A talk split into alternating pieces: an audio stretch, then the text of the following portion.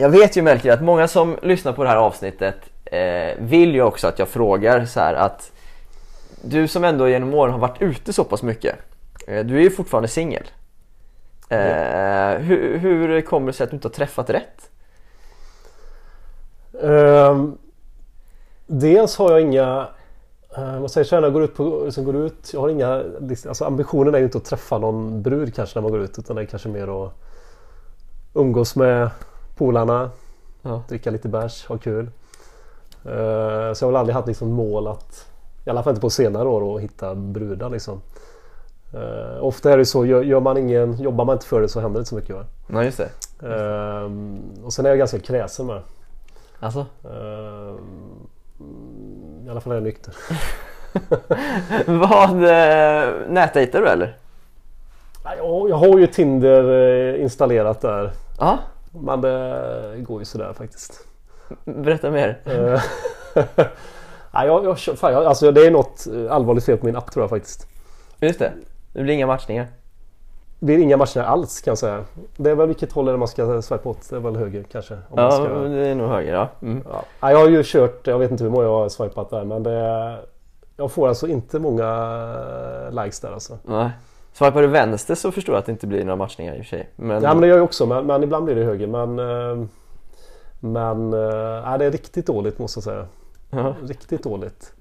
Um... Det kan vara, jag vet inte. Har du några tips?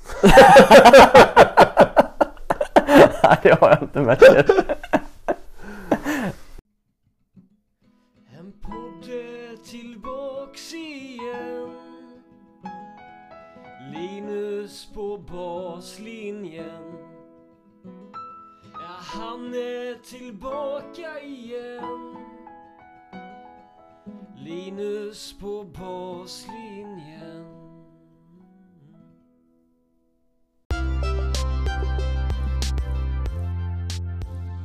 Då är det äntligen dags för det avsnittet som många av er nog har längtat efter när Melker Ekberg gästar podden. Melker Ekberg, för er som inte har koll på honom, är född 1980 och är tennistränare i Varbergs Tennisklubb dit han kom från en tidigare verksamhetsansvarig roll i Marks Teko. Melker själv spelar mycket tennis, eh, seriespel, nationella tävlingar och eh, 2021 representerade han Sverige i veteran-VM samt Nordiska mästerskapen eh, på vintern. Eh, han är också en före detta världsetta i sporten som idag kallas crossminton. I det här härliga avsnittet så pratar vi bland annat om vad Melker älskar med att tävla, sina tuffa inledande år som ansvarig tränare i Marks TK och hur dåligt han mådde under de här åren. Eh, vi pratar om hur lite Melker och hans bror Samuel Ekberg pratar tennis. Eh, vi pratar såklart om Melkers sociala medier-strategi och vilket ansvar man faktiskt har som tränare eh, när det kommer till vad man förmedlar för bild på sina sociala medier. Och så pratar vi om de yngre generationernas brist på taktiskt kunnande. Ett väldigt roligt avsnitt eh, och där jag tror många kommer få se en lite annan bild av Melker än vad eh, som kanske förmedlas via sociala mediekanalerna. Nu kör vi! Melker Ekberg.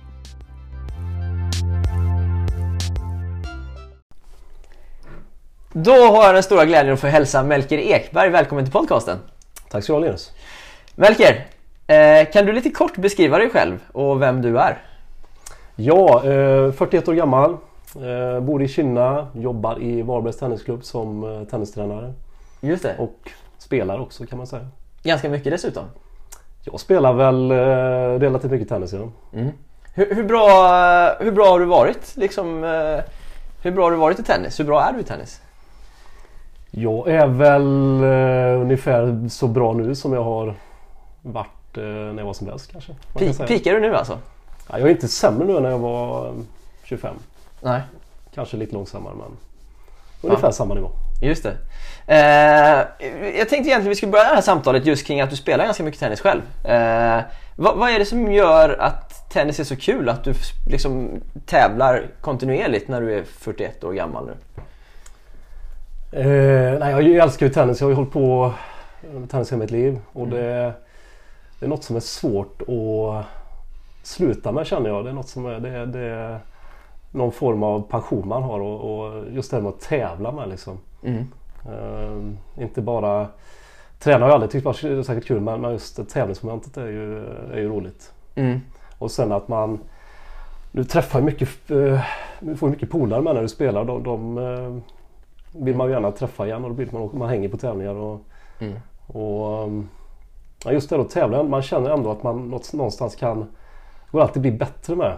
Mm. Det tycker jag är en uh, liten morot. Just det. Vad, vad är det som, vad är det du blivit bättre på sista året då? Jag tror att man, ju mer man har spelat ju mer man börjar tänka mer.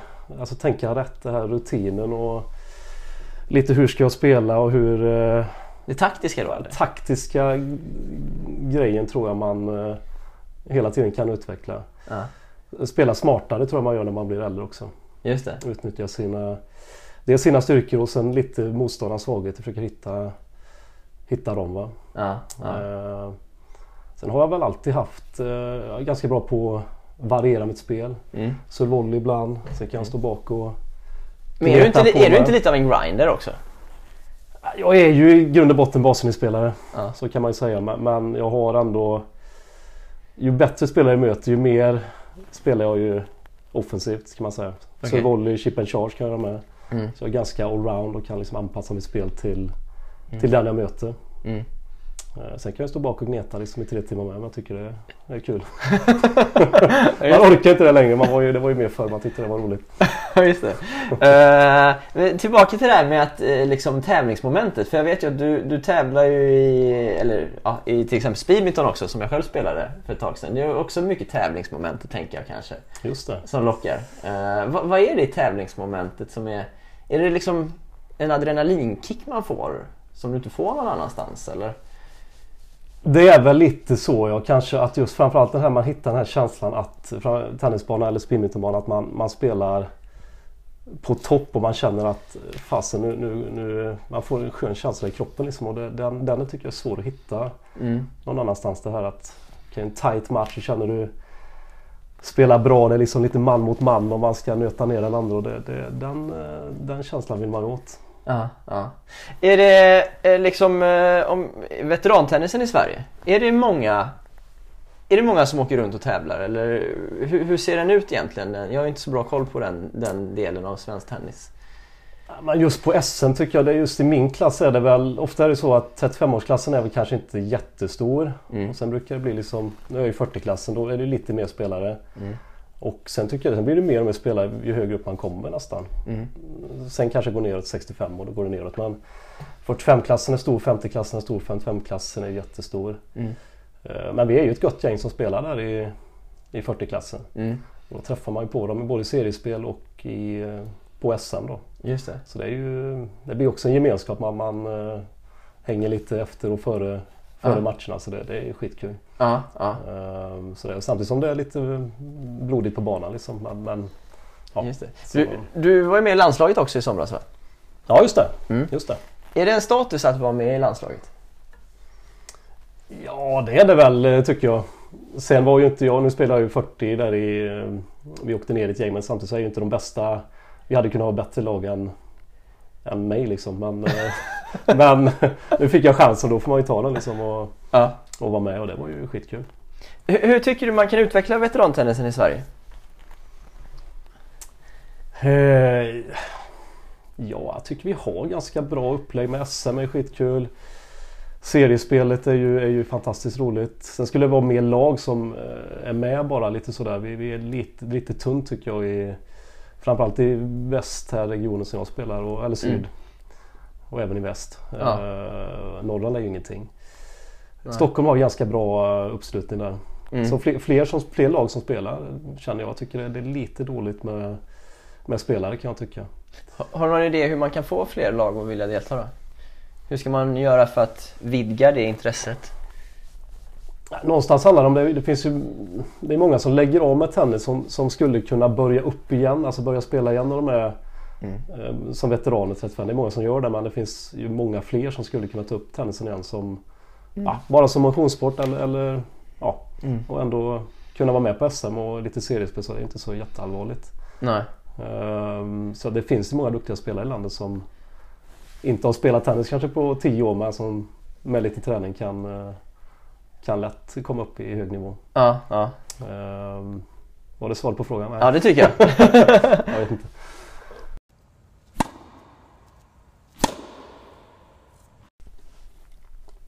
Du berättade här Melker att eh, en viktig del förutom det här tävlingsnerven eller tävlingsmomentet är också att man har kul vid sidan av banan.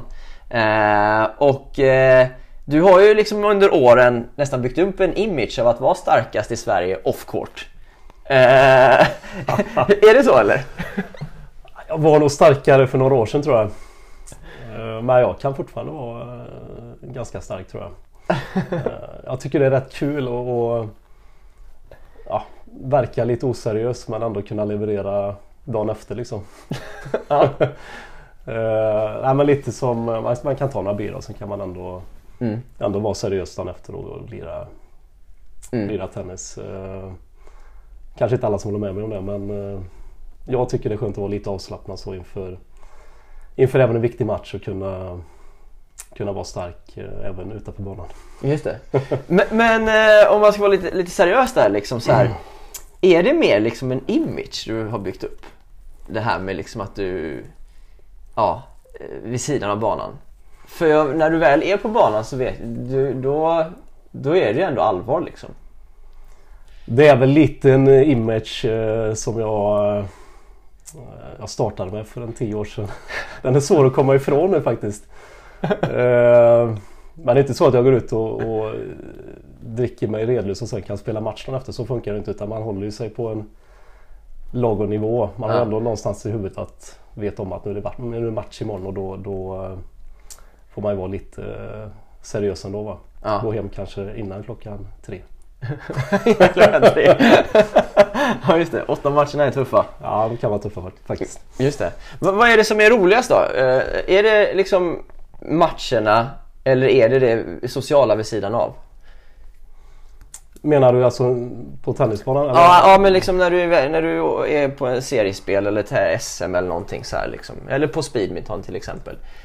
Är, är det liksom det sociala som är det absolut roligaste? Speedminton är det en liten annan grej. Det, det är, vi, där är det nästan mer socialt eh, än eh, tennisen nästan. För det, det är där man mer...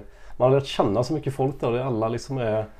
Alla är på alla tävlingar och det blir väldigt socialt. Och, men sen, är, sen samtidigt vill man ju prestera på banan så det är ju Mm. lite 50-50 där. Man vill ändå hänga och, och ha kul med, med polarna men sen kunna ändå leverera på, på banan.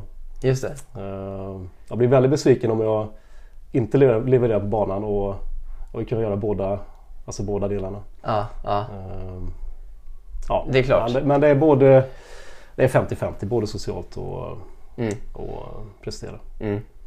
Eh, jag har ju haft den här podden i typ ett och ett halvt år. Eh, och jag har ju märkt lite att det är en del liksom, tränare eller personer som inte riktigt vågar säga vad de tycker. För de är lite rädda för liksom, ja, men vad folk ska få för bild av dem. Eh, men, men du har liksom aldrig varit rädd för att folk ska få en bild att du är oseriös. Den är redan förstörd tror jag min, min bild av mig. Nej men det är lite det här med, med sociala medier. Jag, har jag var ju rätt tidig ute där och, och eh, kanske inte fattade riktigt att La man upp vissa grejer där så, så får folk en liten skev bild av hur man är. De kanske inte har träffat mig och, och Nej. det kan bli lite konstigt. Och sen fattar inte alla vad jag lägger ut ibland på till exempel Facebook. Nej. Eh, Är jag ironisk och eller försöker vara ironisk och folk inte fattar det då kan det bli väldigt fel. Just det. Eh, sen har jag faktiskt eh, börjat ta det lite lugnare med det där. Ja. För att som du säger att folk kan få en helt väldigt konstig uppfattning om, om mig som person. Man kanske aldrig har träffat mig. Man läser vad jag skriver på Ja. till exempel Facebook. Och även om jag försöker då vara ironisk men de kanske inte förstår det och då, då blir det konstigt. Just det. Men jag har aldrig brytt mig så mycket om vad, vad folk tycker så direkt. Utan jag, jag skriver vad jag, vad Ja. jag vill liksom och sen, sen får de eh, tolka det vill. Men, men är, du, är du mycket ironisk då när du lägger ut grejer? Alltså ja, ibland är jag ju det. Jag försöker ju göra, till exempel Facebook, jag försöker att lägga ut en del, alltså lite, lite halvprovocerade grejer eh, sådär och lite ironiska och eh, sen är det ibland det kommer ut när man har du vet lördagskvällar är ju sådär alltså. men, men, men alltså någonstans måste ju folk fatta det att ja, jag vet inte. Det, det, jag tycker det är svårt det där. Ja. Man kan inte bara lägga ut, som vissa gör, lägga ut bara bra grejer hela tiden. Nej. Då blir det också en konstig bild av hur man har det. Jag, alltså, man- jag brukar lägga ut både riktigt dåliga grejer och så här så kanske, ja jag vet inte. Ja, jag tycker det är lite kul att provocera med men, men samtidigt tycker jag inte det är kul om folk tar illa vid sig liksom och vad man Gör folk det då? Ja vissa gör nog det. Mm. Det tror jag. Många har ju väldigt eh, Väldigt snabba att döma liksom eh, Mm. eh, Tycker jag. Har du fått kritik för att du har liksom, ja för ditt sociala medieliv? Ja absolut. Mycket kritik. Eh, Jag tar åt mig en hel del faktiskt. Men, alltså det var ju värre, betydligt värre vet du själv. Tio år sedan när jag var igång som Mm. värst där. Ja, Det var, inte, det var inte jättebra alltid. Men du säger att du tar illa vid dig? Nej, jag gör ju, samtidigt så vill jag liksom lite provocera men, men jag blir samtidigt ganska illa berörd av kritik så. Ja. När jag inte, om jag menar en grej eller om jag skriver en grej som jag, de tolkar fel och då, då, då kan jag ta illa vid mig liksom att eh, fattar de inte vad jag menar liksom. ja. Men mycket, mycket, jag, det är mycket ironi det jag lägger ut. Men Mm. sen gäller det att kunna fatta vad jag menar också. Då, Mm. Gör man då inte det då blir det, kan det bli väldigt konstigt. Mm. Ehm, men jag har ju många, många tycker det är kul. Ja men Jag det, håller det förstår med. jag. Ja, många tycker det är kul. Uh, sen får man hålla det på en lagom nivå. Jag har faktiskt lugnat ner mig ganska mycket sista fem åren. Eh, Hur, hur mycket, eh, om man då ska vara lite, lite seriös i diskussionen så här så du jobbar ju också som, eller du har ju ett jobb som tennistränare eh, med barn och ungdomar och föräldrar och så vidare. Eh, hör liksom privatlivet och jobb ihop tycker du? Alltså, ja, jag, jag, le, ja, nej, ja, nej. Ja, utveckla. Jag, jag tycker att eh, okej. Jag, jag vill kunna släppa jobbet eh, liksom efter jag jobbar klart. Men sen får man ju vara och kunna ha mitt privatliv också va. Mm. Men sen får man ju vara kanske lite eh, sådär eh, tänka sig för lite grann också. Mm. Eh, men det får inte bli för liksom stelt att man inte kan känna att man kan göra Göra någonting som kanske, okej det här kan, oh, det kanske inte är bra och kanske någon ser det här liksom. Det, nej, jag tycker det blir lite väl Väl sådär. Mm. Eh, man måste kunna ha, skilja lite på privatliv och jobb tycker jag. Mm. Sen är det ju kanske okej, jag är tennistränare. Eh, man får vara lite tacksam också, självklart. Mm. Men, men ehm, ibland blir det lite tycker jag för ehm, stelt. Mm. ja. du, du sa att de sista fem åren har du lugnat ner dig lite. Eh, Ja. och, och sen tror jag för, för några månader sedan så, så skrev du någonting om att du skulle lägga om din strategi lite grann på sociala medier. Tror jag att, att du skulle sluta posta på något sätt. Så här. Eh, Stämmer det? Eller har jag misstagit mig? Ja, Jag fick lite kritik där men, men det var ju lite så här eh, vet, lite festbilder om man lägger ut man eh, dricker bira och sådär. Ja. Eh, det ser väl inte alltid jättebra ut. Kanske inte om det kommer ut varenda helg. Nej. Eh, men men ja, jag försöker vara lite mer aktsam om det där med Nu dricker jag mjölk på krogen.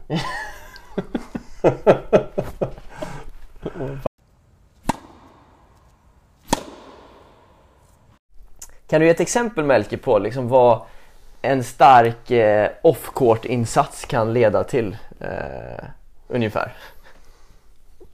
Ehm, jag har ju en grej från i, nu ska vi se när det var här nu.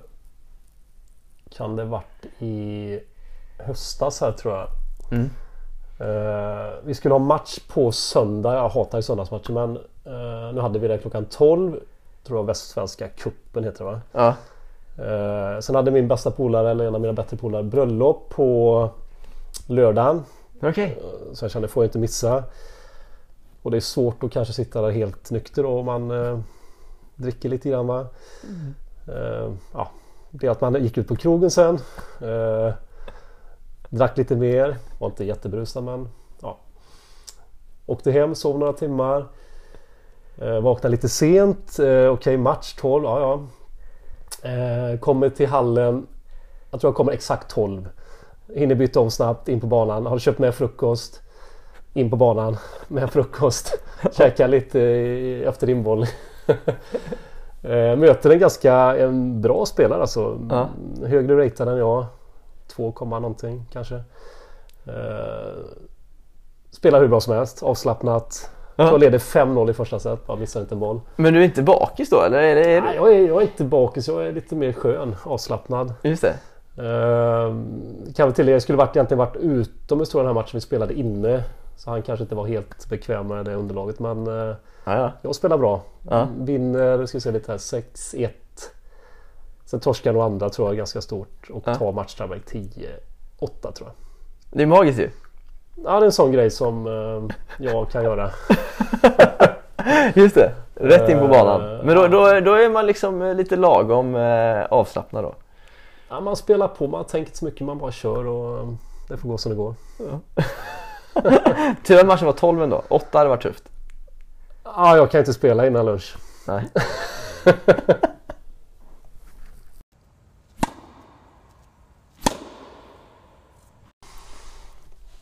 Du jobbar idag eh, som tränare i Varbergs Tennisklubb efter att ha bytt dit från Marks TK eh, för några år sedan. Eh, mark är en klubb som, som ändå har en relativt fin historia med, med duktiga ledare och en del spelare som kommer därifrån. Vad, vad har hänt med Marks Tennisklubb idag? Har du någon koll på det eller? Problemet blev ju lite när jag, när jag lämnade mark där. Vi, vi hade ju jätteproblem med kommunen där. Ehm, från början hade vi fyra banor inomhus, jättefin hall. Mm. Sen blev ju en bana skyttehall. Vi, vi, ja, vi satte en vägg emellan, det var inga konstigheter med det. Då har vi tre banor kvar. Det funkar jättebra. Mm. Sen skulle kommunen ta en bana till. Och då blev det ju eh, problem med vår verksamhet. Det, det funkar inte med två banor. Mm. Det var för, det var för lite banor? Ja absolut och det var någonstans där då, då kände jag att nu, nu det funkar inte det här. Då, då hörde Micke av sig från Varberg och då, då bytte jag till Varberg. Mm. Och sen har de ju inte haft någon riktig tränare där i Mark sista åren. Nej. Eh, De har haft ideella tränare men det har väl flyttit på hyfsat ändå men det är svårt att liksom utöka verksamhet med, med ideella krafter och, och kanske två banor inomhus. Och Mm. ingen läktare utan den gjorde de ju om till eh, fritidsgård så hallen är ju egentligen ganska förstörd mot Mm. vad den var från början så det, det är lite synd faktiskt. Ja, jättesynd ju. Ja absolut. Eh, För det finns ändå ganska stort eh, upptagningsområde där runt, runt Kinna Mm. mark. Jag tror vi var, jag vet när brorsan jobbade i mark, vi var nog 100, ja, 150 ungdomar tror jag som mest. Ja, ja. Så det är ändå, ändå helt okej. Sådana klubbar behövs ju verkligen. Eh, Du, du eh, hur, hur länge har du jobbat som tränare nu? Ehm, nu har jag jobbat kontinuerligt sedan 2000... Vad tänker jag till här? 2008, 2009. Mm. Sen var jag en liten period som tränare när jag var runt eh, 1920 där också. Okej. Början av eh, 2000-talet med. Just det, just det. Så det är väl sammanlagt 15 år. Någonting, va? Ja. För du tog över i, i Mark då efter att din brorsa Samuel Ekberg eh, bytte till Helsingborg, eller flyttade till Helsingborg. Mm, precis. Eh, hur, hur mycket har liksom eh, du och Samuel påverkat varandra i era tränarroller? Eller att du blev tränare? Hur mycket berodde det på att Samuel var tränare och så vidare? Um, alltså jag vet inte, inte så mycket tror jag. Vi, vi, han, eh, jag var mer, kände mig mer som spelare än tränare egentligen. Han, han var väl mer tränare än spelare om man säger så. Men, men eh, jag satt med i styrelsen i Marito när vi, när vi sökte tränare och då vi hittade vi ingen egentligen. Efter att han skulle sluta? Ja, ja ehm, och då kände väl jag att fasen det kan vara kul att, att testa på det här igen liksom. Ja. Vad jobbar du med då? Jag jobbade på Ericsson i Borås Okej, faktiskt. Mm. all right. Ehm, och sen fick jag sluta där så då kände jag att då, ehm, vi provar igen här. Ja. Och det, ja, det var kul men samtidigt tycker jag det var det är lite tufft tycker jag i början att komma in i tränarrollen. De varit borta ett tag framförallt och, och sen var ju chefstränare i Mark tycker jag också var lite sådär halv eh, halvjobbigt i en liten klubb att du, du har hand om liksom allting och du har inga kollegor och det, det, det är mycket som ligger på, ditt, på dig hela tiden att du ska leverera och, och gör du då inte det så Ja. nästan fallerar allting. Ja. Så jag kände, tyckte det var ganska jobbigt där. Eh, det är ansvaret faktiskt. liksom eller? Ja, jag, jag trivdes faktiskt inte så jättebra med det. Nej. Uh, mådde faktiskt ganska dåligt en period där. I början. Uh, och uh, ja, det var lite väl mycket, mycket för mig faktiskt. Hur mår du dåligt så att du just för... Nej men just det här med det var mycket stress och press och du ska leverera på banan och, och mm. liksom man kände att allt hänger på, på mig liksom och är jag, är jag inte riktigt på hugget så och liksom då, då fallerar nästan hela verksamheten. Mm. Liksom man höll i tävlingar, man höll i all träning i stort sett. Mm. Uh, ja, allt runt omkring och uh, allt administrativt. Liksom, jag gjorde liksom allting. Och någonstans där så jag tyckte det var rätt jobbigt en, eh, en period där, faktiskt några år. Innan jag började hitta min liksom rollen liksom, min, och taggade ner lite. Ja. Eh, jag, var, jag väldigt, satt väldigt mycket press på mig själv tror jag i, den, eh, ja. i början där. Fick du bra stöd från eh, styrelsen så då eller? Eller pratade ja, du om jag, det? Jag pratade inte så mycket med folk om det där för jag, jag tyckte det var... Äh, jag vet inte. Det var... Det var lite jobbigt men, jag hade stöd från många där. Men, men, det är svårt att leverera man känner man inte är riktigt så mår så jättebra. Det är skitsvårt ju. Ja, så... Mm. hur, hur hade man... Eh, liksom, hur, hur, kan man hjälpa en tränare i den situationen, tänker du? Vad hade du behövt för, för stöttning under den perioden? Nej, men jag tror att... Eh, jag, vet, jag tror det är viktigt att man är att både styrelse och liksom folk runt omkring är, är eh, ja, lyhörda och hjälper till. Hjälper tränare och stöttar och, och mm. även just att man kanske inte... Jag vet inte vad jag ska säga men, men eh, nej, stöttning är viktigt att man får... Det är jobbigt att vara själv tycker jag i, en klubb sådär. Man, man, eh, det är skittufft. I många klubbar så är du ju ja, det, bara det en ser ju ut så. Ja. så. Framförallt nya tränare som kommer fram. Jag tror det är, rätt, det är en rätt jobbig situation. Du har press från föräldrar, du har press och, från dig själv att leverera mm. på banan. och, och det där tror jag kan vara, det kan knäcka rätt många faktiskt. Mm. Jag, tyckte, jag, tyckte, jag tyckte det var jobbigt. Jag var ändå 29 år när jag, jag hoppade på det där. Ja. Och, och, jag tyckte det var jobbigt under ett par år där. Jag mådde faktiskt riktigt dåligt ett tag. Man, man uh, kämpade på och sen tyckte jag det... Sen började jag få lite mer ordning på det och då, då funkade det rätt bra sen sista åren. Man, man... Vad gjorde du då för att det skulle kännas bättre sen igen? Var det något du förändrade hos dig själv då eller? Jag försökte inte. Jag hade ganska stort... Jag var ganska ofta nervös när jag gick in på banan för jag ville prestera så mycket. Så jag försökte någonstans coola ner lite grann och försöka ha kul istället på banan och, och, och lite sådär. Och, sen vet jag inte riktigt. Det, det, sen spelade jag mycket tennis själv. Där. Det, blev, det blev liksom en ond cirkel. Man ville spela match och man skulle prestera på match. och, och mm vet någon match man mådde dåligt så gick man liksom och spelade matchen var man helt eh, helt off och liksom eh, jag tror jag kastade ut en drack i skogen någon gång. Bara för att man var helt mentalt eh, förstörd mm. liksom. Men eh, jag vet inte hur jag löste det riktigt men det, det funkade bra sista åren i alla fall i Mark. Men första åren var tuffa tyckte jag. Mm. Men du, hade du någon du pratade med? Nej, jag snackade lite med farsan och sådär och lite... Eh, Som också har varit tränare? Ja, eller? ja, ja precis. Ja, ja. Men jag tycker jag är lite svårt för att prata om sådana grejer så jag, jag höll mycket för mig själv och, och sova och försökte bearbeta det själv och det, ja, det gick väl sådär liksom. Nej, jag, jag kom ur det där och det, det, sen tyckte jag sista åren i Mark gick, gick bra liksom. Ja. Men det var några tuffa år i början. Det, mm. Men det hade jag inte pratat med någon direkt om så det var kul att här. ja, ja, men det är viktigt bit för jag tror ju att eh, om man, eh, jag pratar ju ganska mycket om eh, i de grejerna jag gör om att det är svårt att få in nya tränare in i yrket. Mm. Att det är många klubbar, kanske framförallt i storstäderna men även i mindre städer som, som står utan tränare. Att det, mm. Vi behöver få locka fler yngre tränare in att vilja bli tränare. Mm. Eh, och där tror jag att det finns ett jättehinder i det du beskriver att man kanske kommer till en, en, en liten klubb i början. Man får ansvar för allt. Mm. Man ska stå med allt från vuxna första veckan mm. till minitennis mm. och föräldrar sitter på läktaren och kollar och studerar dig och så vidare. Att det är inte så lätt. Och man kanske dessutom inte har någon direkt utbildning inom det innan utan man har spelat själv liksom på en okej okay svensk nivå. Eh, så jag tror att det är en ganska viktig bit egentligen. Att, eh, att prata om att hur, hur ska vi hjälpa tränare i, i början av deras karriärer. Eh, för det är inte så lätt. Det, det är lite beroende hur man är lite som person. Jag, jag, jag är ganska liksom sådär lite småkänslig sådär och inte... Jag tror det, det, är olika hur man är liksom och jag tar ganska illa vid mig vid kritik och sådär. Liksom och sådär. Det, det, vissa klarar nog bättre än jag gjorde i den eh, situationen tror jag. Just det.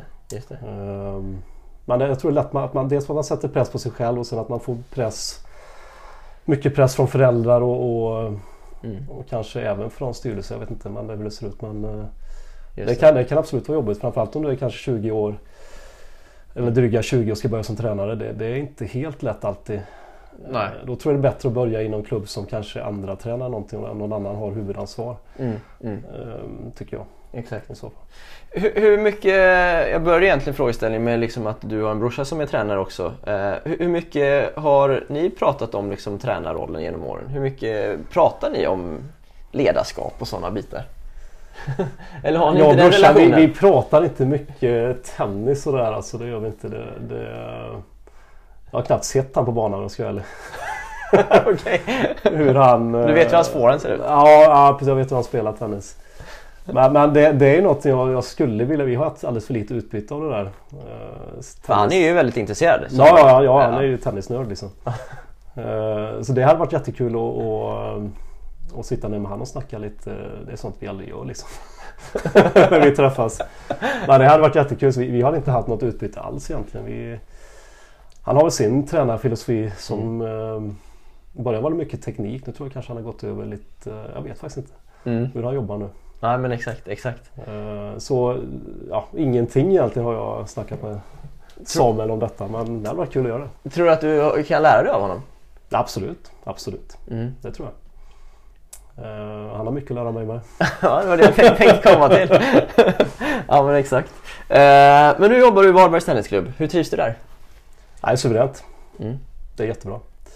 Jag har uh, Mikael Henriksson, chefstränare. Mm. Jag är lite andra har andra rollen, passar mig hur bra som helst. Mm. Mycket bantid, nästan bara bantid. Mm. Och det trivs du med? Ja, grymt. Jag står jag vill stå mer på banan än jag, än jag får nästan. Nej men jag står väl, ibland står jag 40 timmar på banan, tycker det är askul. Men problemet är att man ska orka spela spela tennis själv med, det är det som är grejen. Man hinner nästan aldrig träna. Nej, just det. Ja, då kommer men, du tillbaka till att du tycker det är så kul att spela. Jag tycker det är kul att spela. Otroligt kul faktiskt. Ja. Eh, men samtidigt vill man kunna prestera och då måste man hinna träna lite med och det känner jag väl ibland att man, det blir lite för lite egenträning. Ja, ja. Framförallt med alltså, fysträning. Just det. Den är obefintlig.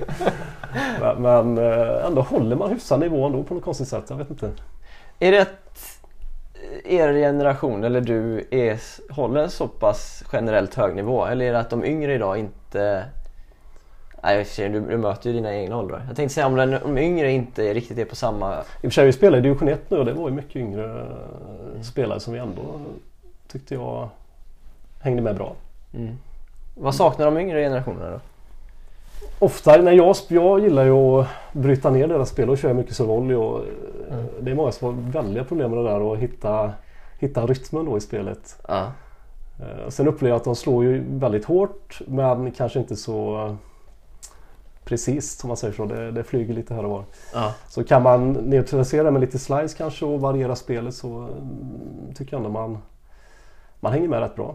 Ja. Um, Varför är de för dåligt skolade då? De yngre spelarna? Jag vet alltså för dåligt. Jag tycker problemet lite med dagens tennis är att alla spelar ju liksom likadant. Man står på baslinjen och man, man uh, står där och nöter på liksom med bra mm. tryck och det händer inte så jättemycket. Mm.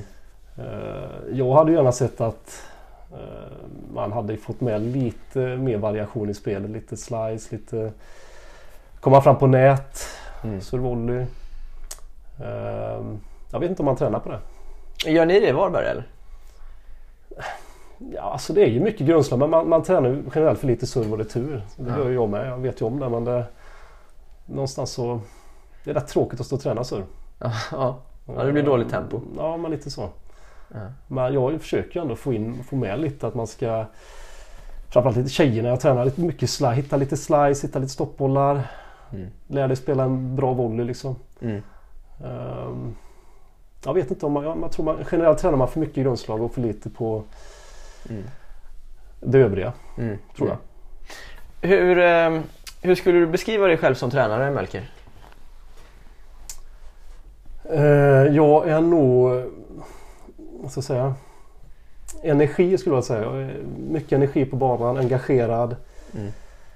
Eh, ganska, så att säga, lyhörd. Jag är ganska, försöker att se alla på banan, vill att alla ska få vara med och sen är jag väl ganska, jag är inte sådär, eh, ska jag säga, ingen diktator på banan riktigt men, men någonstans däremellan. Det Okej. ska vara ordning och reda och det ska vara, Är det så? ja men det ska det vara. Okej. Och, eh, sen vill jag gärna ha med, jag gillar att stå med, få med dels korgen lite grann, stå och nöta Mm. och dels få upp lite tempo. Mm. Variation tror jag är viktigt i träning, att man Mm. inte kör samma grej hela tiden. Mm. Sen tror jag jag är ganska duktig på att, jag har ju lite blandad nivå på mina grupper och kunna liksom anpassa mig till vilken nivå av spelare vi har. Okej. tror jag är duktig på faktiskt och kunna göra en, en bra träning även för spelare som bara ska kanske spela en gång i veckan och tycker det är kul. Mm. Och inte göra den träningen för avancerad då kanske. Just det. Du, du sa att du står ibland 40 timmar på banan. Ja, Alltså jag har egentligen, det, det var kanske högt räknat men 30-35 timmar står jag nog. Och det är ganska mycket tänker jag. Orkar du hålla energin hela tiden? Jag tycker att jag... Ja det tycker jag gör. Mm. Faktiskt. Jag tycker det är så pass kul att stå på banan så... Eh, annars tycker jag inte det är kul. Har jag inte den att jag känner att jag kan leverera och vara, ha energi då tycker jag inte det är roligt. Så jag, jag försöker hela tiden att peppa mig själv och, och, Mm. och vara, vara på hela tiden och engagerad. Mm. Ehm, Så jag, jag tycker jag kan hålla en... Sen kan man kanske inte stå åtta timmar i rad, det går ju inte men... Sex timmar i rad har jag väl kanske som mest och sen har jag någon, någon timme på förmiddagen då kanske. Mm. Just det. Ehm, Men alltså åtta timmar på banan är väl lite mycket men sex timmar är väl ganska, Ja. ganska optimalt kanske. Just det. Och vad, eh, eh, vad har du för ambitioner liksom som tränare eller i ditt yrke? Har du några tankar vad du vill framöver? Jag har väl inga jätteambitioner så.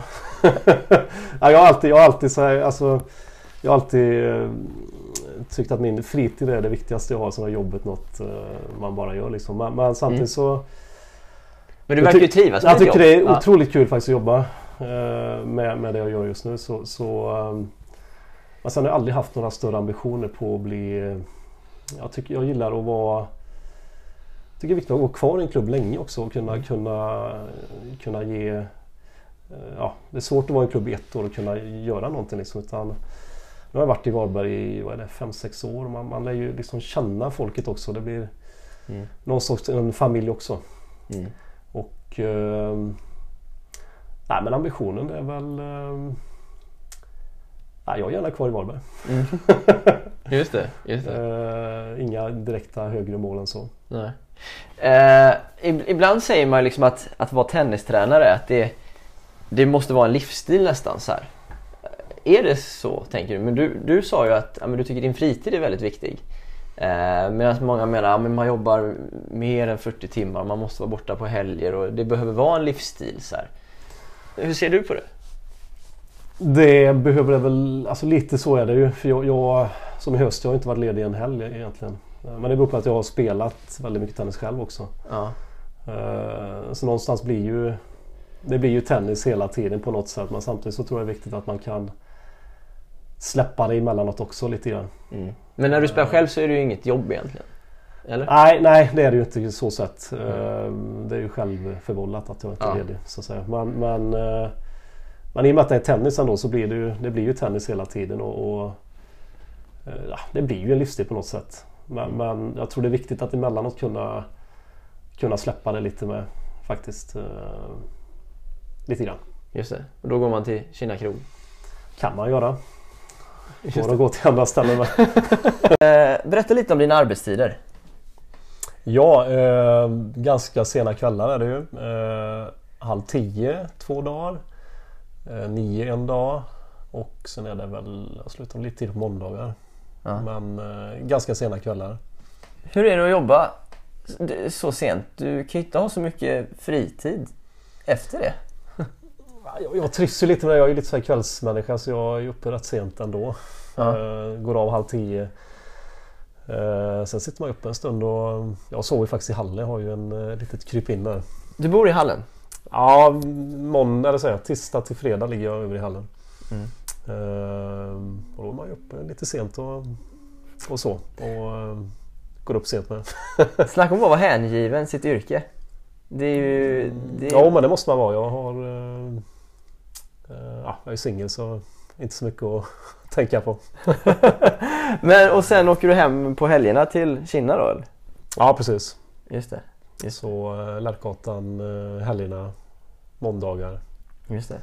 Det blir svårt att ha familj med det arbetsupplägget kanske?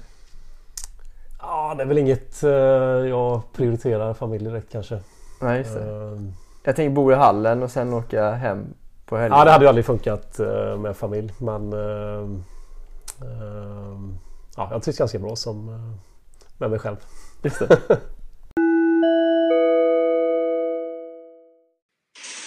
Hej! Det här är Magnus Gusten Gustafsson, delägare på Tennisshoppen. För mig som idrottare har det alltid varit viktigt att få den bästa hjälpen som går att få när man väljer sin utrustning, oavsett sport. Tennisshoppen har funnits i snart 50 år och har alltid varit en av Sveriges ledande tennisshopper. Det kommer vi att vara även i fortsättningen. Nu även med padel i sortimentet sedan ett par år tillbaka. Tennis Fashion är en nischad distributör som hjälper globala varumärken att nå framgång i Sverige, Norge, Danmark och Finland. De har starka relationer med stora online-återförsäljare, rikstäckande kedjor och individuellt nischade butiker. År 1983 startades företaget genom att ta in Prince Sports tennisracketar till Skandinavien. Genom åren har Tennis Fashion blivit en agentur med flera varumärken som säljer och distribuerar kläder, skor och utrustning inom sport och fritid. Varumärken som de tillhandahåller är bland annat Nike, Nike Swim, Odlo, RS, Prince Tennis och Prince Paddle. Med en stor passion för tennis är både jag och Tennis Fashion glada för det här samarbetet. Tack Tennis Fashion!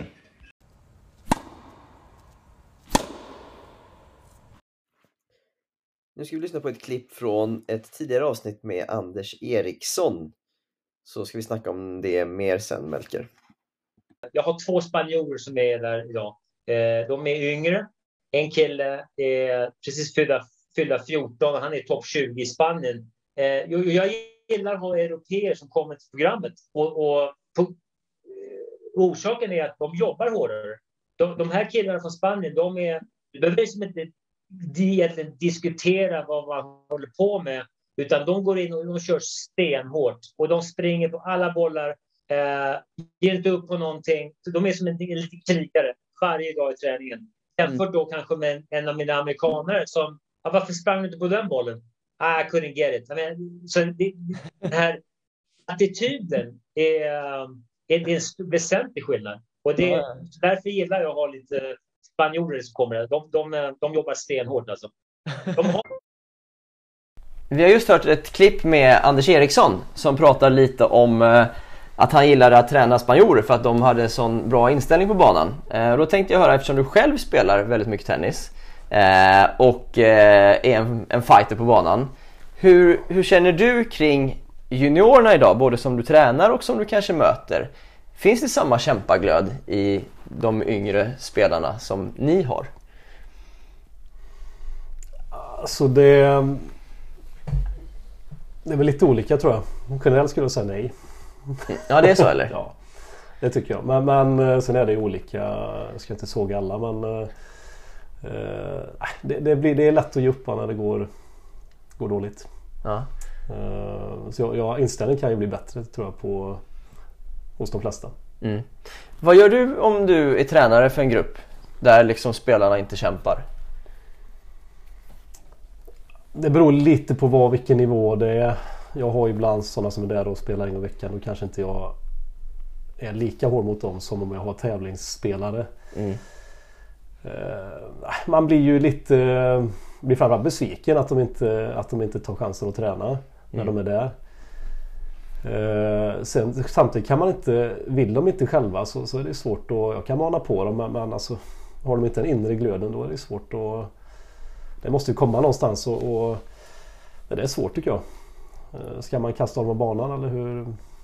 Det kan bli fel också kanske men, men det får man göra Ja. ibland om det är riktig katastrof liksom. Just det.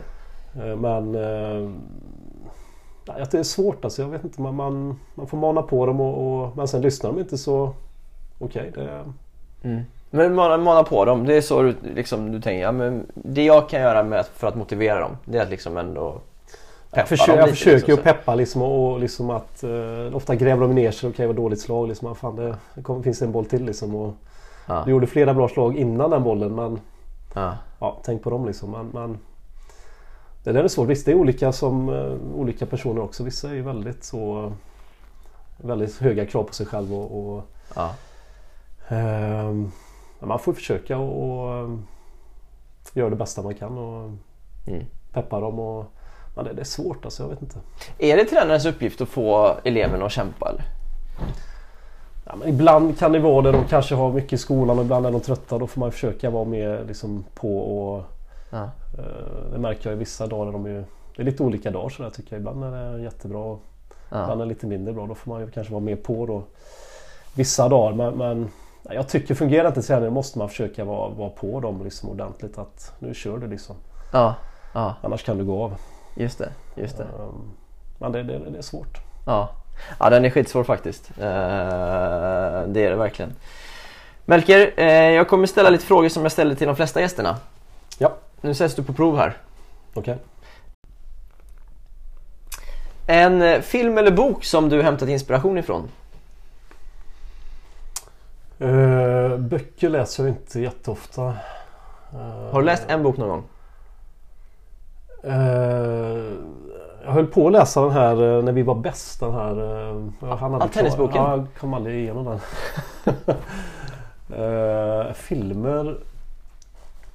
Någon som jag brukar titta på när man vill ha, bli taggad inför match det är ju den här Rocky 4 med Dolph Lundgren och, Just det. Och Stallone där. Den är faktiskt rätt bra. Legendarisk. Rocky-filmerna är ju eh, riktiga klassiker. Ja absolut, den fyran tycker jag är grym där. Mm. Ivan Drago där och bra musik med. Ja just det, just det. Häftigt. Eh, ja de är bra. Vad är bortkastad tid enligt dig? Eh, att göra saker man inte eh, tycker är kul. Mm. Du känns inte som en person som gör så mycket du inte tycker är kul. Nej, jag, nej, jag försöker göra så mycket roligt som möjligt. Ja. Så ofta som möjligt. ja, det är ingen dålig livsfilosofi. Vad gör du om tio år? Eh, oj. Jag eh, har nog förmodligen bytt lägenhet tror jag. Den börjar bli väldigt liten just nu. Eh, Lärkgatan? Ja, det är nog risk att det blir något annat. Sen vet jag inte om det blir Kinna eller om det blir Helsingborg, en trevlig stad. Varberg kanske. Eh, Men annars tror jag det ser ut ungefär som det gör nu. Just Inga större ambitioner faktiskt. Nej, ha kul. Ja, ha kul. Mm. Eh, Melker, om du var härskare över svensk tennis, den som liksom bestämde över svensk tennis. Vad skulle du prioritera att ta tag i då för att föra svensk tennis framåt mera? Eh, oj. Svår fråga va? Ja, den är svår. Men jag tycker det konceptet som de eh, börjat lite med, jag vet inte om det blir något av det, men lite mer future-tävlingar på nationell nivå är väl inte fel. Mm. kommer bli några till i långtora. Det är väl inte fel kanske. Eh, ja, men få mer, kunna göra så mycket av träning som möjligt på hemmaplan och kanske mer samarbete mellan klubbar kanske. Mm. Det eh, görs väl förmodligen nu också men, men eh, ännu mer kanske. Mm. Eh, försöka få igång lite mer av, det är mycket klubbar som lagt ner liksom på, som i Värmland finns ju nästan inga klubbar kvar där. Försöka få igång lite verksamhet i de här mindre orterna tror jag är viktigt. Mm. Inte bara ha liksom koncentrerat till storstäderna. Mm, mm, Eh, det hade jag nog satsat på lite grann. mm. Jätteviktigt ju. Där tycker jag man ser ju som klubben du själv kommer från, från Marks tennisklubb, har ändå fått fram lite spelare som, eller både personer som jobbar med tennis nu, men även eh, några spelare som var, varit ganska okej. Eh, Nej men man ser Genom åren. 90-talet var vi ju ja, riktigt stora faktiskt. Vi hade flera på, eh, på Sverigelistan liksom från Mark. Eh, Det var riktigt imponerande. mm, mm. Eh, Och det är inte så där superlänge sedan. Så menar, de klubbarna är ju viktiga, de behövs ju. Även om Mm, de ja. sen går vidare någon annanstans så, Ja, ja, så är det ju superviktigt att de Absolut. klubbarna lever vidare. Det är väl många som, eh, av våra bästa som kommer från mindre orter från början. Va? Ja exakt, exakt, exakt. Eh, Så det tror jag är superviktigt. Ja, ja. Uh, Melker, när vi, när vi pratat idag så tänker jag att jag tror Många har en bild liksom eh, av dig att du är ganska bekymmerslös. Så här, liksom att eh, du har kul och, och lever livet så här. Eh, men, men jag tycker det varit intressant att, att höra att du ändå eh, Det finns en, en eh, mycket djupare sida hos dig. Är, är du rädd för att blotta den ibland? Jag pratar inte mycket, mycket om de grejerna med någon. Alltså känslor och sådär, det är inte min grej riktigt. jag, jag, försöker, jag försöker vara... eh, Min sida utåt är att jag är väldigt eh, glad och god liksom. Och, Ja, vilket är ju bra ja, också. ja, absolut. Jag, jag, jag är ju sån liksom som person. Mm. Men, men gillar inte att bli för känslosam kanske. Nej, just det. Ändå, si- sista där så, så i och med att du själv sa förut att du är lite känslig för kritik. Så tänker jag att det är ändå ganska modigt att liksom ha eh, det, det Facebook-kontot du ändå haft under många år. För det är ju upplagt för att få lite skit ibland. Jo, Förstår det, jag det, menar? ja det är det, det är det ju faktiskt. Men, men samtidigt så det är lite så jag... Även om man får mycket glädje också. så Ja, jag tycker det är kul. Men det är lite mer, jag är lite mer, jag har blivit... Jag ser mig själv som en... eh, Jag tror jag skrev på min Instagram nu. Entertainer tror jag skrev. Eh, För jag, jag liksom, jag vill... Tycker det är så tråkigt i flödet ibland liksom. Det händer ingenting. Då vill man liksom Liva upp det lite. liva upp det lite och sen... Som sagt mycket ironi men... Ja, så det är tråkigt att inte folk fattar ibland vad jag menar. Men många fattar ju faktiskt. Såklart. Så det är ja. kul. Eh, Men jag... jag ja, som sagt jag har lugnat ner mig lite. Mm. Eh, sista frågan. Vill du rekommendera någonting? Rekommendera någonting? Ja, vad som helst. Inom, eh, vad tänker du? You choose. Ehm, ja, rekommendera någonting? Ehm, ja, svårt. Ehm, ja, men testa på speedminton säger vi då. Just det, Kanske. speedminton. Mm. Eller crossminton heter det nu. Ja, just det. det är sant. Ehm, Nej men de som inte, det är faktiskt askul för de, för Mm. de som inte provat. Man kan spela på en tennisbana. Problemet är bara ner med nätet är ju enda grejen. Mm. Ehm, sen spelar man ju på eh, vad säger du? Servlinje till servlinje va? Ja, exakt. Och, Basrutorna eh, ska man träffa. Basrutan kan man säga. Eh, och så får man köpa en rack då i och för sig. Men, eh, Mm. Liknar lite kortare squashrack och en badmintonfjäder men som är mycket snabbare än Ja, en badmintonfjäder. men, men det, alltså, jag tycker det, det är en av de sporter jag tycker är absolut roligast att spela. Ja, och bra träning för tennis också vill jag nog påstå. ja. absolut. Ligga djupt i knäna. Mm. Mycket volley, mycket overhead. Mm. Eh, reflexer, snabba förflyttningar. Ja. Eh, så testa på crossminton. ja, det är skitkul. Hur bra har du varit? Eller är du i det? Alltså jag tänkte på det på vägen hit. Jag var faktiskt, jag var faktiskt världsetta en period. En vecka. Men du var världsetta var I du? både singel och dubbel 2013 kanske. Och det var så alltså? Du var världsetta? sprintscreena... Äh, vad heter det? Print screena? Ja. en vecka var det. Okej. Men äh, ja, nu låg jag, Häftigt, alltså. jag, är väl, jag vet inte jag låg väl topp 5 när jag, jag har inte spelat på två år. Mm. Men äh, jag vet inte. Det, Topp 10 i alla fall. topp 10 är jag. Ja. Häftigt Melker. Eh, kul att du vill vara med i det här avsnittet. Tack så mycket för att du tog dig tid. Tack så mycket Linus, det var väldigt trevligt tycker jag.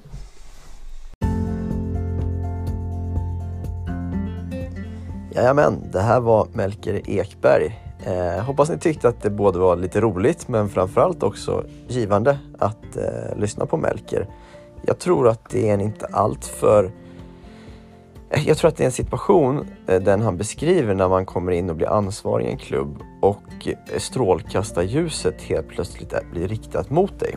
Jag tror att det kanske är många som i grund och botten så här, älskar tennis, har spelat själv, eh, kanske vill jobba som tränare men egentligen inte är förberedda på att stå i centrum för ja, men en hel verksamhet som Melker berättar om. Eh, men så blir det ju i många mindre klubbar där trots allt de allra flesta tränarna någon gång börjar. Eh, och helt plötsligt så ska du ta ansvar för allt, både uppe på kontoret, nere på banan, all kontakt med alla. Ja, det är någonting som många troligtvis, eller väldigt få snarare, är eh, både utbildade för eller redo för. Eh, så jag tyckte det var giv givande att höra och prata med Melker om det och också väldigt eh, stort av honom att eh, öppna upp sig om hans känslor under de här inledande åren. Eh, sen var det såklart också ett måste att fråga honom om hans sociala medier. Ni som inte följer Melker eller kanske till och med visste vem han var innan eh, så har han ju en historia av att publicera mycket ifrån fredag och lördagkvällar på sin Facebook och Instagram. Eh, och därför så kändes det ju givet att fråga honom om hans eh, tankar kring den biten. Hur som helst, tack för den här eh, veckan eller, och eh, ja, på återhörande.